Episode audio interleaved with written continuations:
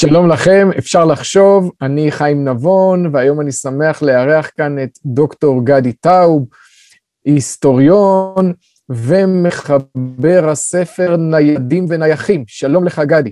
שלום, חיים, מה שלומך? שלום, שלום. יש לנו, האמת, הרבה מה לדבר, בוא נתחיל באמת בספר. זה ספרך החדש, אתה יודע שאהבתי אותו וגם כתבתי עליו. כן, ושיתפתי את הביקורת שלך בשמחה. כן, התכתבנו עליו קצת. בוא, אולי נתחיל באמת אה, בנקודה ש, שהתמקדתי בה כשכתבתי על הספר. הספר שלך הוא נגד אה, פוליטיקת זהויות באופן מאוד ברור ושם אותה על המוקד. האם כשאתה אבל ממיין את החברה הישראלית לניידים ונייחים, אתה לא חוטא בדיוק בדבר שנגדו אתה נלחם? זאת לא פוליטיקת זהויות? לא, אני חושב שהפוליטיקה של הזהות אה, היא, היא, היא אנטי-לאומית. זו כוונתה וכך היא נולדה וזה אופן ביטויה. ולמעשה, כפי שאני מנסה להראות בספר, בתחתיתו של דבר, היא נגד זהויות באופן כללי. מה פשר התנגדותה לזהות הלאומית? ההתנגדות נובעת מזה שהזהות הלאומית היא הזהות הדורשת לעצמה כוח פוליטי. היא דורשת לעצמה מדינה, או כפי שמתנסחים בחוגי תלמידי מישל פוקו, אה, הלאומיות מחברת את שיח הזהות עם מנגנוני האכיפה. זאת אומרת, זאת זהות שדורשת לעצמה מדינה, צבא, משטרה, מערכת חינוך, מערכת בתי משפט, בתי חולים, אז יש לה אמצעי כפייה. והפוליטיקה של הזהות רוצה לראות את הזהות כדבר ש... אה, שהאדם, אה, אה, אני לא רוצה להגיד משתעשע בו, אבל כדבר שאדם יוצר אותו באופן חופשי בספירה האזרחית. ולא בספירה הפוליטית. אז במובן חשוב, הפוליטיקה של הזהות היא בעצם דה-פוליטיזציה של הזהות. אתה באמת מתמקד מאוד בזהות הלאומית, אבל אני רק אבהיר משהו, אני מניח שתסכים איתי, כשאתה אומר שתלמידי פוקו רוצים להעביר את הזהות למישור האזרחי, גם במישור האזרחי הם לא מקבלים את הזהות כיסוד קבוע ומחייב ומכונן. כלומר, זהות משפחתית או קהילתית נתפסת אצלם גם כזהות מדכאת בדיוק כמו הזהות הלאומית. המושג זהות מופיע בהקשר קרנבלי, כמו שהם אוהבים לומר. כלומר. המקום היחיד שיש לגיטימציה לזהות זה במשחקי זהות. אם אתה מפרק את הזהות, אם אתה משנה את הזהות, אם אתה מערער, ואם אתה עושה זהות חתרנית, אה, כמו כל הדברים שהם מאוד אוהבים, כמו ג'ודית באטלר שמדברת על דרג uh, קווינס. אה, כמופע הזהות היחיד ש, שראוי לשמו ב, בעולם של מין ומגדר. אתה קולע כאן לנקודה מאוד חשובה בעיניי, ו, ו, ובכך אה, אני ואולי אה, לפי דבריך גם אתה חולקים על הנטייה של הימין לראות בכל העסק הזה של, ה, של שיח הזהות רק מה שהם קוראים מרקסיזם תרבותי, רק סוג של שמאל. כי אני חושב שיש ובעיקר ג'ודית באטלר זה ממש הדוגמה, אבל אגפים גדולים של זה הם אולטרה אינדיבידואליסטים, שזה לא השקפת העולם השמאלית הסוציאליסטית, והם מתנגדים לכל סוג של סולידריות, הרי ג'ודית באטלר מתנגדת לכל זהות שהיא קבוצתית, משום שהקבוצה אה, אה, עושה הכללה ובעצם חוטאת לזהותו של היחיד הסינגולרית. אבל היא בת אה, אולי לא מודעת של המסורת האמריקאית, שפשוט הרחיבה את רעיון ה-self-made man ל-self-made transgendered individual.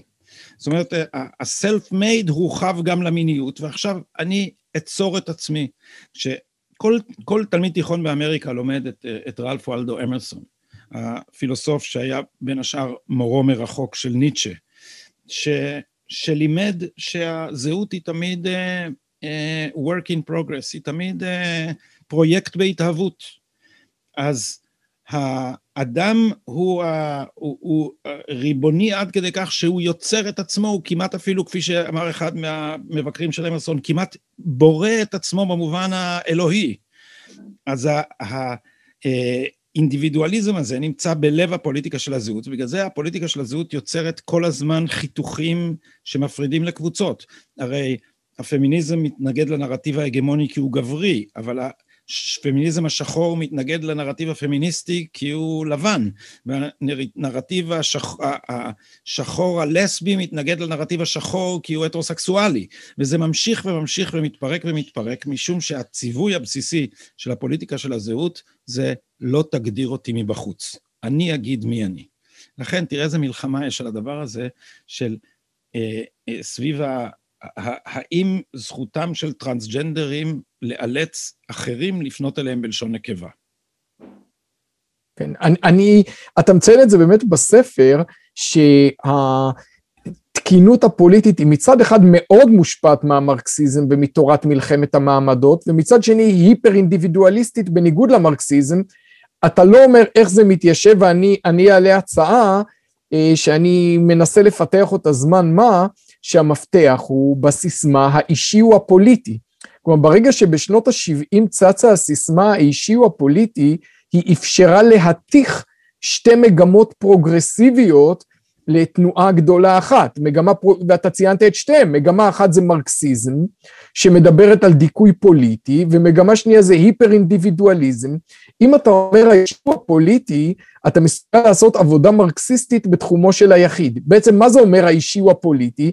זה אומר מדכאים אותך לא רק בסדנת העבודה, מדכאים אותך כשאתה בבית רואה טלוויזיה, מדכאים אותך כשאתה הולך לבית כנסת וקורא בתורה, מדכאים אותך כשאתה הולך לסעודת ליל הסדר במשפחה שלך, איפה שמושיבים אותך ליד השולחן זה דיכוי, מי מוציא את הזבל מהבית זה דיכוי, ובמובן הזה הסיסמה האישי הוא הפוליטי הסבה את האנרגיה המרקסיסטית של מלחמת המעמדות לתחום החיים הפרטיים שלנו. זה מה שאנחנו רואים עכשיו. אנשים עם אה, טרמינולוגיה ועם מינוחים מרקסיסטיים מדברים על דברים, על, על השפה שלנו שהיא גברית ולכן מדכאת. לא, מה שהלהט שבו מרקס שלח את אה, מאמיניו אה, לנפץ בתי חרושת, היום שולחים לשרוף מילונים או הרגלי שולחן. זאת החברה שאנחנו נמצאים בה, כשאנשים מאמינים באמת שהעולם שלנו, שהוא בסך הכל בימים כתיקונם עולם די עשיר ודי משגשג, הוא למעשה גיהנום עלי אדמות ששזור בחוטים של גזענות סמויה ועליונות לבנה ולבניות רעילה וכן הלאה. זה נהיה מיינסטרים כמעט. כן, ו- ו- ודגש מאוד גדול הוא על השפה. שאם לצטט את אה, אה, מיודעתנו ג'ודית באטלר, שאמרה, אה, מתן שם הוא דבר אלים מפני שהוא קודם לרצוני. זאת אומרת, יש פה איזו קדושה ניטשיאנית של הרצון הפרטי הטהור, וכל מה שחברתי הוא רע, ורק כל מה שפנימי ובא מתוכי, רק הדבר הזה הוא תקין מוסרית. אבל בניגוד. לניטשה, שניטשה לפחות חשב לא שאני מהלל אותו, אבל הוא חשב שהאדם הזה שניתן לו אוטונומיה פנימית, יגיע לאיזה גדלות וגבורה, אז תלמידי פוקו ותלמידי ג'ודית באטלר אפילו לא מאמינים באיזה גדולה של הסובייקט, שאדם יצמיח מתוכו איזה גדולה או עוצמה, הם עסוקים אך ורק בתהליך של פירוק לשם פירוק, שום דבר אחר. אני חושב שבקצה של המחשבה שלהם, הרציניים שבהם, אה, ודאי פוקו, אה, זה, אה, בקצה יש משהו, וה, ו, וזה קשה להבחין בו, כי, כי מרגע שאומרים לך גם הסובייקט מובנה חברתית, אז אתה אומר, אז את מי אנחנו משחררים? אז בשביל מה לשחרר? אם יש רק מבנים ואין מתחת כלום, אז את מה לשחרר? אני חושב שאפשר להגיד שההתנגדות של, של פוקו היא פשוט לכל סוג של קביעות, ואז החירות היא לא... זהות אותנטית שנמצאת בתוכנו כאיזה מין גרעין קבוע, אלא החירות היא היכולת להשתחרר גם מהזהות של עצמנו ולשוטט בין זהויות. עכשיו, פוקו הוא עוד לא בשפה של, של ג'ודית באטלר, אבל הוא, אה, אה, הוא חותר לעבר איזה רצון שמשוחרר מכל תבנית שהיא. ג'ודית באטלר זה דבר יותר אינפנטילי בעיניי, ולכן היא בעצם, למרות שמבחינת הטיעון הפילוסופי אפשר להגיד שהיא דומה לפוקו, מבחינת המנטליות היא אה, חלק מתרבות של תלונה, שמוצאת לעצמה קתרזיס רגשי בהעלאת המסכנות. ואני חושב שראוי לשים לב שזה דבר מאוד מיינסטרימי הווריאנטים הקיצ'יים של המוסר הנוצרי. שהמוסר הנוצרי מהלל את הקורבנות, או, או בווריאנטים מסוימים שלו מהלל את, ה, את הקורבנות. וזה בניגוד, זאת בניגוד למוסר היהודי, ש, שאומר שגם דל לא תהדר בריבו.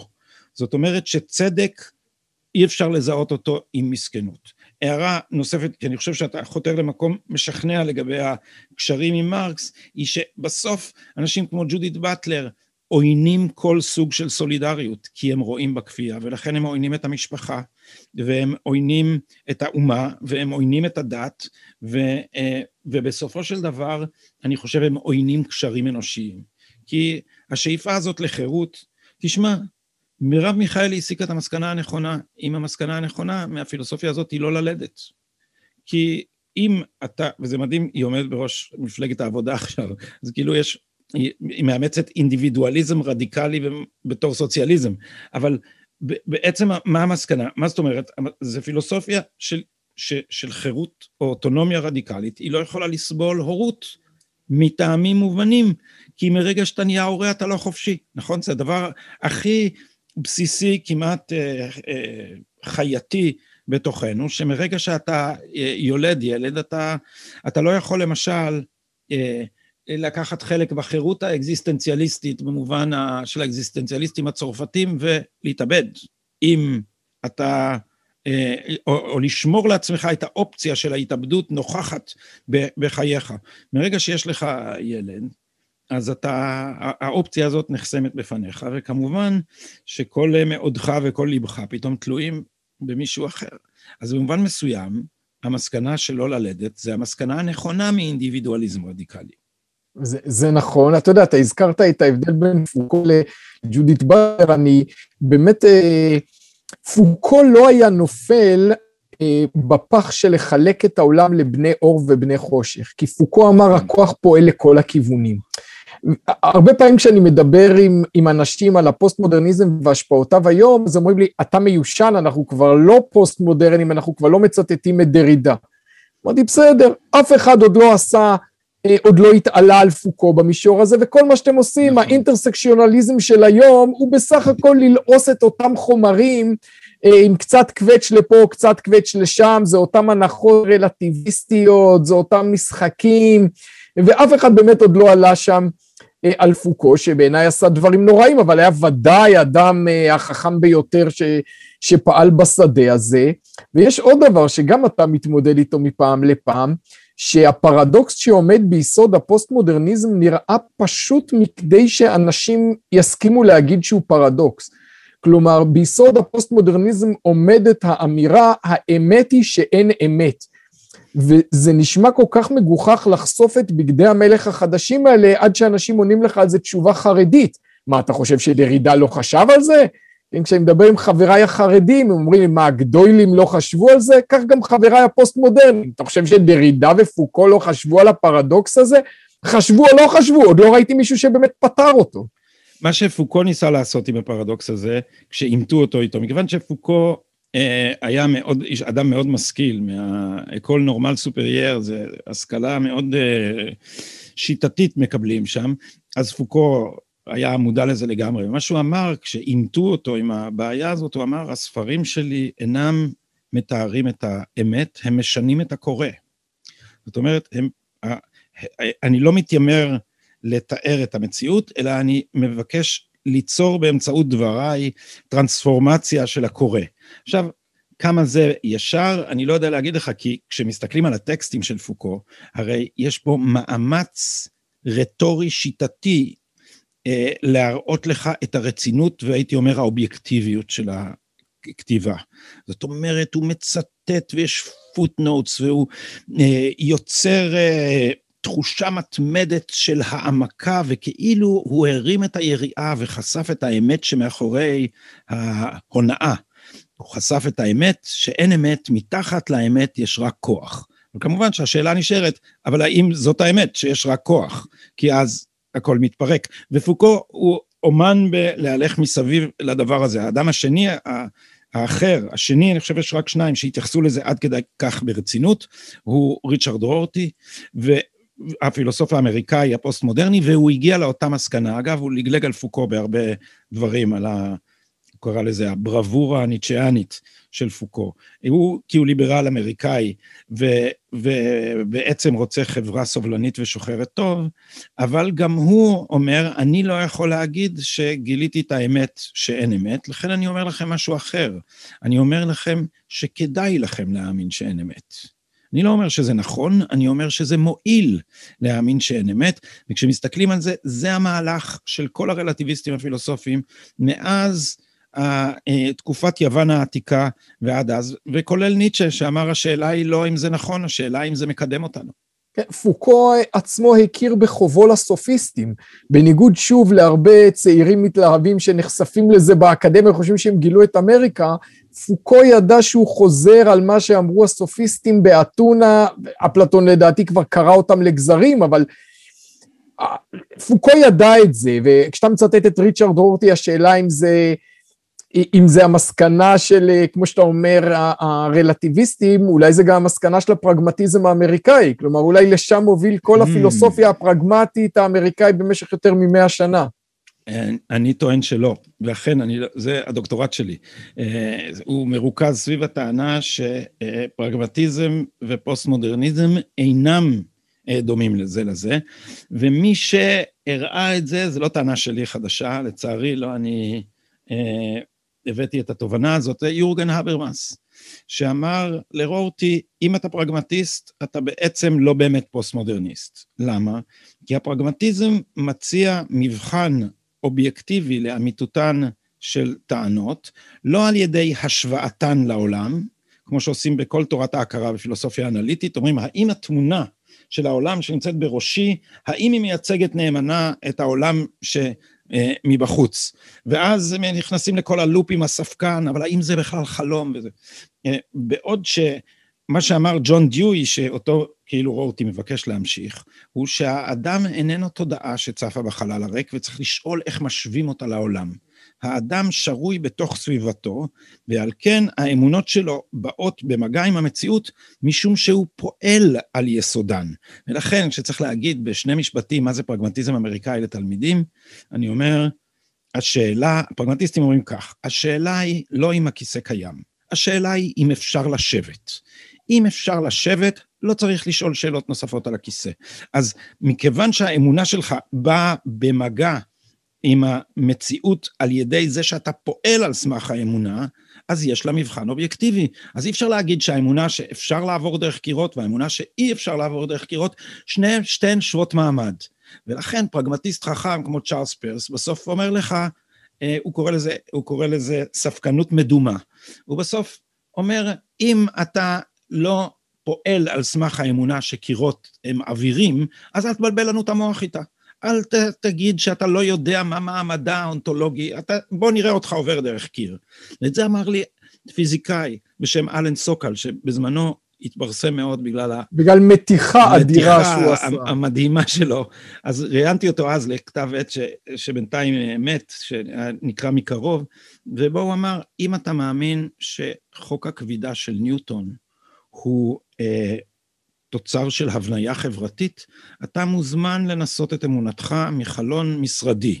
סוגריים, המשרד של אלן סוקל נמצא בקומה ה-21. אז בינתיים עוד לא נמצא מישהו שיקפוץ מהחלון, ואז בדרך, כדי להציל את עצמו מהתרסקות, יעשה דקונסטרוקציה של המכניקה של ניוטון. כן, אז... הוא שלח, המתיחה שלו הייתה לצופינו מאזיננו שלא מכירים את הדקויות האלה. הוא שלח לכתבי עת מאמר מקושקש לגמרי עם כל המינוחים הפוסט-מודרניים העדכניים ביותר ובלי שום משמעות, והמאמר התקבל והתפרסם בכתב עת יוקרתי בהערצה רבה. ובעקבותיו כן, עשו את זה לפני שנה, אה, שלושה אקדמאים באמריקה עם מתיחה בקנה מידה אחר, עם עשרים מאמרים שהם שלחו. מדהים. אה, וזה אדיר, באמת הוא היה, הוא, הוא, אני חושב שמה שהניע אותו זה אולי ציטוט של הפמיניסטית הצרפתית לוס איריגרי, שאמרה שהנוסחה E שווה MC בריבוע היא נוסחה סקסיסטית כי היא נותנת עדיפות למהירות אחת על פני מהירויות אחרות. ואני חושב שזה הקפיץ אותו.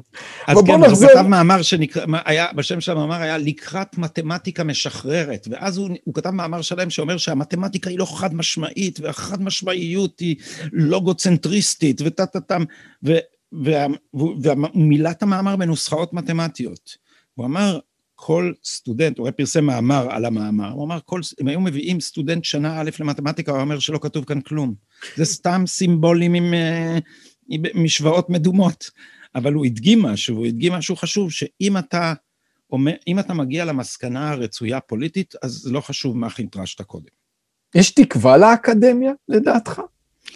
אה, אני מנוע מ... אה, אה, לומר את מלוא דעתי על העניין הזה, אני לא מאוד אופטימי. אז אל תגיד, זה בסדר. אני לא מאוד אופטימי, כי, כי קודם כל, מדעי הטבע ימשיכו בדרכם, אבל מה שקורה עם המגמות האלה זה שהרבה פעמים הן מתבססות ומשכפלות את עצמן. אז האקדמיה, מבחינת המבנה שלה, שהוא כולו בנוי על זה שהסגל הנוכחי מקבל את הסגל הבא, ברגע שמשתלטת עמדה בצורה מאוד דרמטית, אז היא נוטה לשכפל את עצמה, והעמדות הפוסט-מודרניות לא ניתנות להפרחה. אז זה לא כמו בפיזיקה, ששולט אה, את הגרסה הניוטונית, ובא איינשטיין וכותב מאמר, ובום, כולם נאלצים להיעצר ולהגיד, טעינו. אה, פה, אם אתה כותב משהו בניגוד ל... בכתבי עת, אני לא סובל מזה באופן אישי במחלקות שאני, שאני אה, אה, עובד בהן, אבל באופן, בכתבי עת, אם אתה כותב משהו שלא מתאים לזה, אז זה חוזר אה, עם נזיפה מוסרית, לא עם הפרחה מדעית. לא, אני חושב שבסוף סטודנטים בשלב מסוים יפסיקו ללמוד את הדברים האלה. עד כמה, כמה אפשר להתפרנס מללמד אנשים את ה... טוב, אבל בוא נניח לזה באמת, ונחזור רגע לניידים ונייחים. אתה באמת מדבר, אני מאוד מזדהה עם התיאורים שלך ועם הניתוחים שלך, אתה מדבר על מגמה שבאה לפרק כל זהות, כתבתי על זה באחד מספריי בשם מכים שורשים, על הפירוק הזה של כל זהות נתונה, אני חשבתי שהזהות הכי משמעותית שהיא הכי מותקפת ושצריך הכי להגן עליה זה משפחה, אתה אומר לא זה הזהות הלאומית ונימוקך עמך שהזהות הלאומית היא מכוננת אה, יש לה משמעות פוליטית, היא, היא מתורגמת למדינה, כשאתה מפרק את הזהות הלאומית ומזמין מהגרים, ואתה בעצם עושק אנשים גם מהכוח הפוליטי שלהם. אני בכל זאת חושב שהזהות המשפחתית קודמת, כי היא פונה לרובד הרבה הרבה יותר אה, בסיסי, וכשאין משפחות, אתה פוגע במשהו יותר עמוק מאשר ב, אה, בסמכויות או בזכויות הפוליטיות של אנשים. כן, אמ, אני, אני, אני לא עסקתי בזה בספר הנוכחי, אבל אני נוטה להסכים איתך, אני לא חושב ש... שלזהות הלאומית יש פה אה, קדימות, והאמת היא שהספר הזה נכנס לי ב, בהצטלבות יחד עם ספר שרציתי לכתוב על פמיניזם ורב תרבותיות, שזה קודם כל אה, דבר מסוכן בתור גבר לבן פריבילגי לכתוב ספר על פמיניזם, ועוד אני אה, באופן ספציפי, אבל אני חושב, והספר הזה, מה שהוא מתכוון לומר, זה שאם אנחנו לומדים ברצינות את, הפילוס... את, ה... את הפמיניזם האמריקאי, את... תולדותיו, אז אנחנו רואים שהוא בעצם מנסה לרדיקליזציה של האינדיבידואליזם, ואנחנו, מכיוון שבניגוד למה שאומרים על החברה שהיא פטריארכלית, הפמיניזם הוא הרי הגמוני, זה, פמיניזם זה אחד הדברים הכי מוסכמים בחברה שלנו, שהכי פחות אפשר להתווכח עליו באינטליגנציה, בלי להסתכן בנפשך.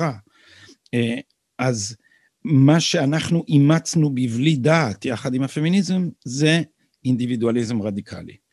אז אה, בעיניי יש, אה, יש פה יש לנו עבודה לעשות בלחשוף את התכנים הערכיים שהביאו לנו בתוך הסמבוסק הזה של הפמיניזם, בלי ששמנו לב שהגבינה היא, אה, היא דבר אחר לגמרי.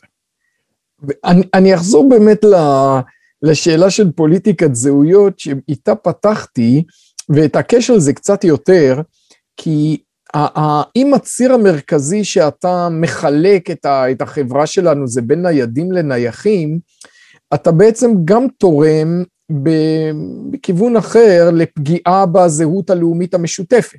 כלומר, אתה משחק את אותו משחק שלהם, של מפרקי הזהויות, רק מהזווית ההפוכה. עכשיו, אני מבין את הפיתוי לזה, כי יש כל כך הרבה צביעות בפוזיציה הפרוגרסיבית בישראל, כשאלה שאוחזים בהם האנשים הכי עשירים, הכי מקושרים, הכי מדכאים לפי הסכמה שלהם עצמם.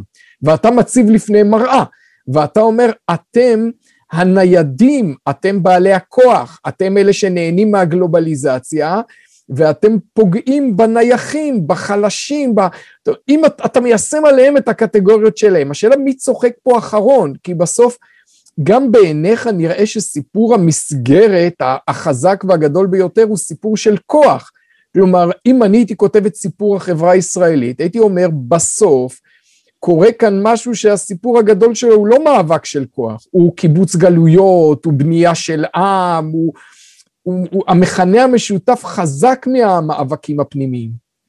אני מסכים עם זה, אבל אה, הניידים לא מסכימים עם זה. ו, ולכן בעיניי זה שמתייצבים אה, מולם בוויכוח, אה, ואני מגדיר מציאות, אני לא יוצר את הפיצול הזה. הפיצול הזה קיים, ו, ואני מבקש להיאבק כנגד האפקטים הקורוזיים שלו, החומצה המפוררת שלו. אז אני חושב שזה בפירוש לא פוליטיקה של הזהות. עוד דבר שאפשר, דיברנו על פוליטיקה של הזהות ואמרתי שהיא לא לאומית, היא גם לא מעמדית. ו, ובספר הזה יש, אני חס וחלילה לא רוצה לרמוז שמדובר בניתוח מרקסיסטי, אבל יש קשר בין ההבחנה היסודית של הספר שהיא סוציולוגית ומעמדית. זאת אומרת, הדבר הראשון שאפשר לומר על הניידים זה שהם לא תלויים במסגרת הפוליטית של מדינת הלאום ובכלכלה המקומית, הם יכולים לקחת את המחשב הנייד ולעבוד מסטארבקס בבנקוק. אה, או אם הם רופאים, הם יכולים לעבוד בבית חולים באונטריו, או אם הם אה, היסטוריונים של ארה"ב, הם יכולים ללמד היסטוריה של ארה"ב בניוקאסל. אז הדבר הראשון שמאפיין את הניידים זה האפשרות להתפרנס שלא במסגרת של החברה הלאומית שמתוכה הם הגיחו. אה, לכן מתאפש... הגיונית בעיניהם אה, אידיאולוגיה גלובליסטית, אבל אני לא רוצה ליפול בכשל המרקסיסטי ולומר שההוויה קובעת את התודעה, כי הרבה מהנייחים הסוציולוגיים תומכים באידיאולוגיה הניידת, אז כך שאם יש לך איזה אה, גיטריסט אה, שבקושי מצליח לשלם את שכר הדירה יחד עם שלושת שותפיו בפלורנטין, אז הוא בחלומותיו הוא רוקר ב-LA, אבל באפשרויותיו הסוציולוגיות הוא אה, מלצר. הוא זמר בבר מצווה בנס ציונה. זה צריך להיות מהציונות הדתית בשביל לחשוב על הדוגמה הזאת, חיים, אבל אה, אני, אני חשבתי שהוא יותר שאנטי ורוקר, אה, ואין לו אפשרויות. אה, זה לא באמת שיש לו אפשרויות, אבל כשאתה שם לו שלט נגד הגירוש, it makes sense to him. כי הוא גדל על Imagine של ג'ון לנון, ודור שלם פה אנחנו שוכחים, אני רק הערתי את זה בחיפזון כבדרך אגב בספר, כי זה דורש עיון הרבה יותר רציני, אבל אני חושב שיש פה דור שלם שבעצם קיבל את החינוך הפוליטי שלו קודם כל ממוזיקת רוק. מוודסטוק ומשנות ה-60 ומהאידיאולוגיה הנוצרית של האהבה ו, אה, ואת התפיסות הגלובליסטיות שלו הוא קיבל משירים כמו Imagine. וזה, כשמסתכלים על מוזיקת הרוק, זה מדהים כמה המסרים הם אחידים. הם נגד מלחמה, הם נגד לאומיות, הם נגד מה שמפריד בין בני אדם. זה גרסאות אה, דיינקותא של אה, אה, הפילוסופיה הליברלית, שאחר כך אנחנו נזהה אותה כ, כ, כאידיאולוגיה של הניידים. אני, שאני באמת בא מעולם של יהדות, אני תמיד נדהם, עדיין, אחרי כל כך הרבה שנים, אלא הערצה אה, האינסופית כלפי כל מיני celebrities, היא היה מאוד דומיננטי בשנות ה-60, אנחנו הגיע לאיזה שיא עם הערצה לכוכבי רוק, לאנשים שאין להם טיפה של מה שקראו בעברית מידות טובות ומה שקוראים באנגלית virtues. כלומר, תמיד אנשים מן הסתם העריצו כל מיני אה, אה, יצורים כאלה ואחרים, אבל זה לא היה הקלאסה, זה לא היה המעמדות הגבוהים. אנשים לפחות באופן מוצהר חיפשו אה, אנשים מרשימים עם מידות טובות. עכשיו, כל כוכבי הרוק שקובעים את הסיסמאות האלה, הם לא אנשים שהיית רוצה שיהיו שכנים שלך. ג'ון לנון, איזה הערצה יש כלפיו, הוא לא בן אדם שהיית רוצה להיות בחברתו ברמה האישית. אבל, אבל האידיאל הזה הוא רומנטי ולא רפובליקני. הוא לא עוסק בחברתיותו של אדם, אלא בגודל רוחו היצירתית. אז יש, אז הדבר הזה גם יש לו מסורות ארוכות בתנועה הרומנטית, שהעלתה את זה על נס. אז אה, למשל, בעיני אה, ניטשה, הגיבור זה לא השכן הטוב. הגיבור זה מי שמזלזל בכל השכנים, ועושה מה בראש לו. והוא לא מושפע מהלחץ הקונפורמיסטי. וזה, והמסורת הזאת, אתה יודע, פוקו, העובר כחוט השני פה, הוא, כש, כששאלו אותו סמוך למותו, מה הוא בעצם? אז הוא אמר, אני ניטשיאני כמובן. כן. אז, אז האידיאל הזה של, ה, של האדם המתריס, האידיאל של הנון קונפורמיסט, אה, הוא לא אידיאל של מידות טובות. אתה, דימני שבספרך נגד בדידות אתה ציינת שבסופו של דבר אה, פוקו, אחרי שכתב נגד בית חולים מסוים, ואיך על כל מנגנוני השליטה והדיכוי שיש שם, בסוף שם הוא נפטר בימיו האחרונים אחרי שהוא זכה לטיפול מסור מאוד, כנראה לא הכל רק כוח. אבל הוא, היה לו ויכוחים גם עם הטיפול, היה לו ויכוחים גם עם הטיפול שזה להיכנע לשיח הרפואי, הוא הרי מת מאיידס. זאת אומרת, באופן, אה, הוא, הוא, הוא שילם את מחיר המתירנות המינית המאוד מאוד קיצונית שלו, שהייתה גם ניסיון לפרוץ גבולות. זאת אומרת, פוקו, הספר הכי מעניין שאני קראתי על פוקו נקרא The Passion of Michel פוקו של ג'יימס מילר, שמנסה להגיד שהמיניות של פוקו, הפרועה והקיצונית, היא בעצם ממש ניסיון כמעט פיזי לפרוץ את הגבולות, לא רק של הנפש, אלא גם של הגוף. והוא הלך עם זה למקומות מאוד קיצוניים, במובן הזה האידיאל הניטשיאני הוא אידיאל פרומטאי, נכון? הוא, הוא קורא תיגר על, על המונופול האלוהי על הידע הראוי. זה אנחנו נגנוב את האש מן האלים, וכדי לעשות את זה אתה צריך להסיר מעצמך כל מגבלה אנושית. אה, וזה אידיאל רומנטי, שהוא מאוד מאוד נפוץ, והוא בעיקר נפוץ אצל מעמדות מפונקים, שלא לגמרי מבינים מה יהיה המחיר של ההתמסרות לריגושים. לפילוסוף הבריטי השמרן רוג'ר סקרוטון יש ספר נהדר על ההוגים של השמאל הרדיקלי, ששמו אה, דומני Fools, Frauds and Firebrands, ובפרק כן. על פוקו הוא באמת אומר, אתה, אתה רמזת, זה מה שהביא למותו, הוא מעלה את הטענה שאחרי שפוקו כתב כל כך הרבה על השיח הרפואי ואיך הרופאים ממציאים מושגים של דיכוי, בא מישהו ואמר לו, יש מחלה שעוברת ביחסי מין הומוסקסואליים ומסכנת את ההומואים, ופוקו אמר, יש sure, כלומר, זה בדיוק סוג הדברים שפוקו אמר, זה הבניה דכאנית של הרופאים. אה, אגב, סקרוטון הוא... הוא גם מאוד, אני חושב, אה, הולך בכיוון שאתה דיברת על הלאומיות. אה, סקוטון בהקשר הבריטי מאוד התנגד לשותפות הבריטית בקהילייה האירופית, אה, בגלל הנקודה שאתה הדגשת, הוא אמר, האיחוד האירופי נותן סמכות לאנשים שאין להם אחריות, כלומר, יושב איזה בירוקרט בבריסל ומחליט עלינו הבריטים, הוא לא חלק מהמסורת שלנו, לא בחרנו בו, זה מערער את כל התפיסה של ריבונות אה, מדינית. אה, אה, אני חושב שלפחות בתחילת ימי הקורונה זה מאוד בלט איך כל אגדות ה Imagine האלה מתפרקות בן רגע, שלמרות אמנת שנגן שאומרת שיהיה חופש תנועה בכל האיחוד האירופי, בשנייה שהתגלה שיש קורונה באיטליה, כל מדינות האיחוד האירופי שכחו את האמנה, סגרו את הגבולות, לא נתנו לאף אחד להיכנס ולצאת, וכל האנשים האלה שאתה אמרת שהם ניידים ויכולים לעבוד מכל בית קפה בקרקס, עם הלפטופ שלהם, פתאום חזרו הביתה כמו, אה, כמו עכברים מהר מהר מהר, כל אחד במדינה שלו, פתאום כן יש חשיבות למדינת לאום בזמן חירום. כן, יש לי חבר יורד מזה 25 שנה, שעכשיו פתאום נורא כועס שישראל לא מציעה לו חיסון. אה, כי, כי אצלנו החיסונים בשפע. אה, אבל אני, אני חושב שאתה נוגע בעוד אה, דבר שנמצא בעיניי בליבו של, ה, של הוויכוח, וזה שה Brexiteers, תומכי הברקזיט, היציאה של בריטניה מאיחוד אירופה, הגנו על הדמוקרטיה, אבל האליטה הניידת ציירה אותם כשונאי זרים ופשיסטים, וכך עובד כל הדיון הזה, כי למה כותרת המשנה של הספר היא לא מאבקן של האליטות נגד הלאומיות הישראלית? הוא מאבקן של האליטות נגד הדמוקרטיה הישראלית, מפני שכדי לפרק את מדינות הלאום, בניגוד לדעת רוב אזרחיהן הנייחים, צריך קודם כל לנטרל את הכוח של הנייחים, לנטרל את הדמוקרטיה.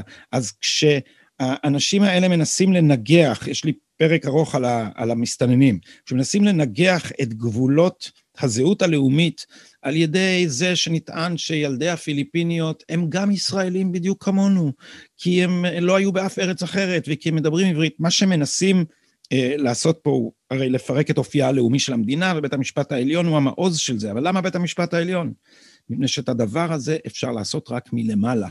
אז הכנסת שוב ושוב חוקקה חוקים נגד ההסתננות, ושוב ושוב בית המשפט העליון הוא שפסל אותם באופן לא דמוקרטי וכנגד הדמוקרטיה.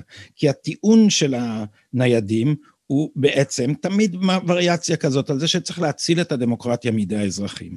כי האזרחים הם גזענים, הם פרוכיאליים, הם משיחיים, הם אה, שוללים את האחר, ולכן... יש לך משפט נהדר בספר, שכתבת שפעם אמרו שדמוקרטיה היא לא רק שלטון הרוב, ובסוף המילה רק נפלה כמו שן חלב. נכון, נכון.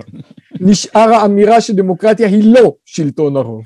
כן, ובעיניי כל הוויכוח הזה הוא קצת, אה, אה, הוא קצת אה, איש קש, מפני שדמוקרטיה היא אכן לא רק שלטון הרוב, מפני שזה לא מה שמגדיר אותה.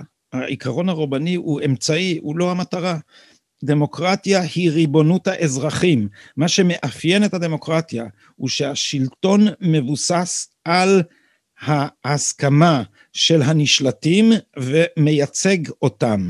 זאת אומרת, הוא לא שולט עליהם, הוא יותר דומה לוועד הפועל, מה שהיו אומרים הסוציאליסטים. זה הו... השלטון הוא הוועדה שאנחנו בחרנו לטפל בענייננו המשותפים, לא מישהו ש... אפשר במקום, את ה... במקום את הסוציאליסטים לצטט את uh, לינקולן בנאום גטיסברג. כן, נכון? גם... ממשל של העם על ידי העם למען העם. בדיוק. אז, אבל ג'פרסון הוא זה שאמר בהצהרת העצמאות שההצדקה היחידה לממשלות היא הסכמת הנמשלים. אז זה העיקרון הבסיסי של הדמוקרטיה, וכל הדמוקרטיה המהותית, שהיא בעצם שלטון המשפטנים, מפרה את הדבר הזה, ותשים לב שבתיאוריה הזאת, איכשהו הרוב מופיע רק בתפקיד עריצות הרוב. הוא תמיד רק הוא, הוא נכנס אל התיאוריה רק כשהוא מזיק. אז כמו שהעיר פעם ידידי ניסים סופר, הוא אמר, בתיאוריה הזאת אף פעם לא מדברים על רצון האזרחים. תמיד מדברים על עריצות הרוב, אף פעם לא מדברים על רצון האזרחים, כי בסופו של דבר, מה הם מצדיקים? את, את עריצות המיעוט. אה, ברק פשוט אומר את זה. מי שיקרא את ספרו, שופט בחברה דמוקרטית, יראה שכתוב שם שחור על גבי לבן, שבית המשפט הוא אה, הסמכות המכריעה בעניינים אה, בעניינים ערכיים, והוא צריך לעשות את זה על פי דעתו, הוא צריך לשפוט על פי דעתו של הציבור הנאור. בדיון מדהים בבית משפט העליון לא מזמן, אז השופטת דפנה ברק ארז אמרה את הסיסמה המקובלת בחוגים האלה, ומה יהיה אם הכנסת תחליט לשלול זכות בחירה מנשים. ובדיוק כשעמדתי למרוט את שערותיי, אז השופט סולברג ענה לה במה שכל כך הרבה שנים קיוויתי שמישהו יענה, ומה אם בית המשפט העליון יחליט לשלול את זכות הבחירה לנשים? כאילו, למה אתם מניחים שעדיף למסור את השלטון לרודן נאור? זה לא עבד אף פעם, זה לא הביא אף פעם גם יותר זכויות. ברור, אתה יודע, אני... ולא אני... צריך, ולא, זה לא תיאורטי, חיים, הרי, הרי את, כשהמיעוט הוא לא פופולרי, כגון החרדים, אין להם שום בעיה לרמוס את זכויות המיעוט, ולהגיד שבית המשפט שלנו מגן זכויות אדם זה פשוט בדיחה, כי מדיניות המעצרים של... אה, של משטרת ישראל היא פשוט מופרעת, ובית המשפט תיראו מופתעים, הוא חותמת גומי של פרקליטות שפשוט מחזיקה אנשים במעצר אה, ללא משפט. אני לא מדבר עכשיו, עכשיו שאני מתוודע אל הדברים מצד ימין, אז לי, הייתה לי שיחה בפודקאסט שלי בשומר סף עם אה, איתמר פליישמן, ש, שסיפר באריכות על איך התייחסו ל, ל, לזכויות אדם בזמן ההתנתקות. אז, אה, אז כן, בציבור שאתה מאמין... כששופטת בית המשפט העליון איילה פרוקצ'יה שלחה ילדות בנות 14 לשלושה חודשים מעצר כי הם השתתפו בהפגנות, אז שאף אחד לא ילמד אותי שבית משפט העליון יגן על הזכויות שלנו בעת צרה. הייתה עת צרה ובית משפט העליון עמד ורקד על הדם, לא... ממש.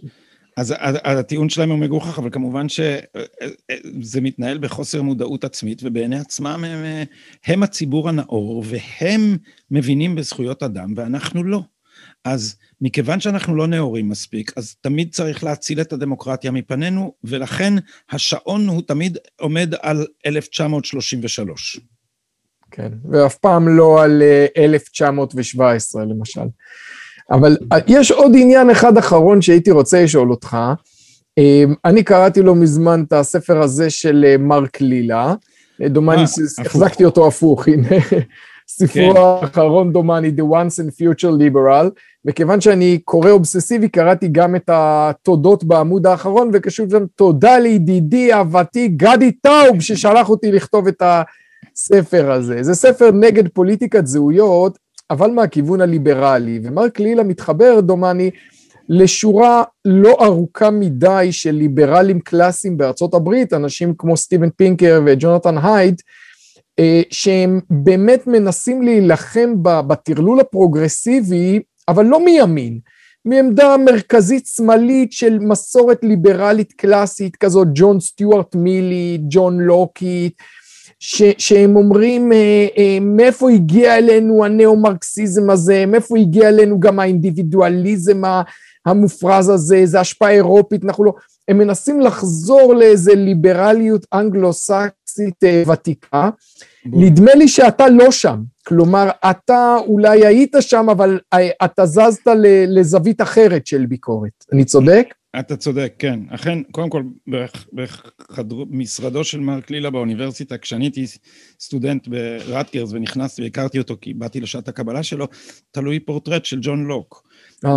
וזו באמת המסורת ואלה הטיעונים. יש לי כרגע ויכוח עם מרק ש, אה, ש, שלדעתי האופציה היחידה לרסן את הטרלול הפרוגרסיבי זה לחבור לימין המתון.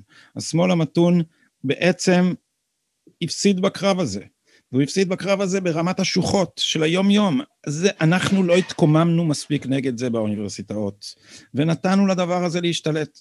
אז אה, אה, מרק היה נגד זה תמיד, אני כתבתי את המרד השפוף, אני יכול, יש לי עדות, אז זה היה לפני 25 שנה כמעט, אז אז, אז היו אנשים ש, שהתנגדו לזה, אבל בגדול אמרנו, בגדול האקדמיה אמרה, תשמעו, הם קצת מגזימים, אבל הכוונה שלהם טובה. זה יעזור לחלשים, וזה, ו, וזה לא עזר לחלשים. זה בסוף, מה שמעצבן כל כך עם ה politically correct, זה שזו, הפוליטיקה של הזהויות היא, היא הבגידה של החזקים בתוך כל קבוצה בקבוצה שלהם. אז תסתכל מה יש לנו עכשיו, יש לנו עכשיו ממשל דמוקרטי בארצות הברית, ש, שעכשיו מייצג את עמדת ה politically correct. המפלגה הדמוקרטית היא המפלגה של העשירים. כל ה Big Tech, סיליקון וואלי, כל וול סטריט, הגלובליסטים, זה האליטות הכלכליות, אלה הניידים. מה הם אה, מציגים את עצמם? הם אומרים, דונלד טראמפ הוא נגד החלשים, הוא גזעני, לא חושב שזה לא נכון. אבל אנחנו, הנה, בקבינט שלנו יש הומו ושחור ושחורה ואינדיאנית ו, ו, ו, ו, ושלל זהויות אחרות. אבל זה עוזר לשחורים העניים שיש שחור בקבינט? זה את המדיניות שמרוששת את אמריקה העובדת, מכסים, מאפרים על ידי זה שנותנים אה, ג'סטות סמליות למיעוטים אה, גנריים. אה, האמת על המאבק עכשיו באמריקה הוא שדונלד טראמפ ייצג את האינטרסים של העובדים והוא בא ממסורת פופוליסטית וזה לא חדש. והיה אה, נשיא בשם אנדרו ג'קסון והיה אה, אה, אה, עשורים אחר כך פופוליסט בשם וויליאם ג'נינגס בריין, בזמן שהמהפכה התעשייתית רוששה את החקלאים, ובכל פעם הפופוליסט מייצג את המעמד המתרושש, ועכשיו טראמפ מייצג את המעמד המתרושש מהגלובליזם.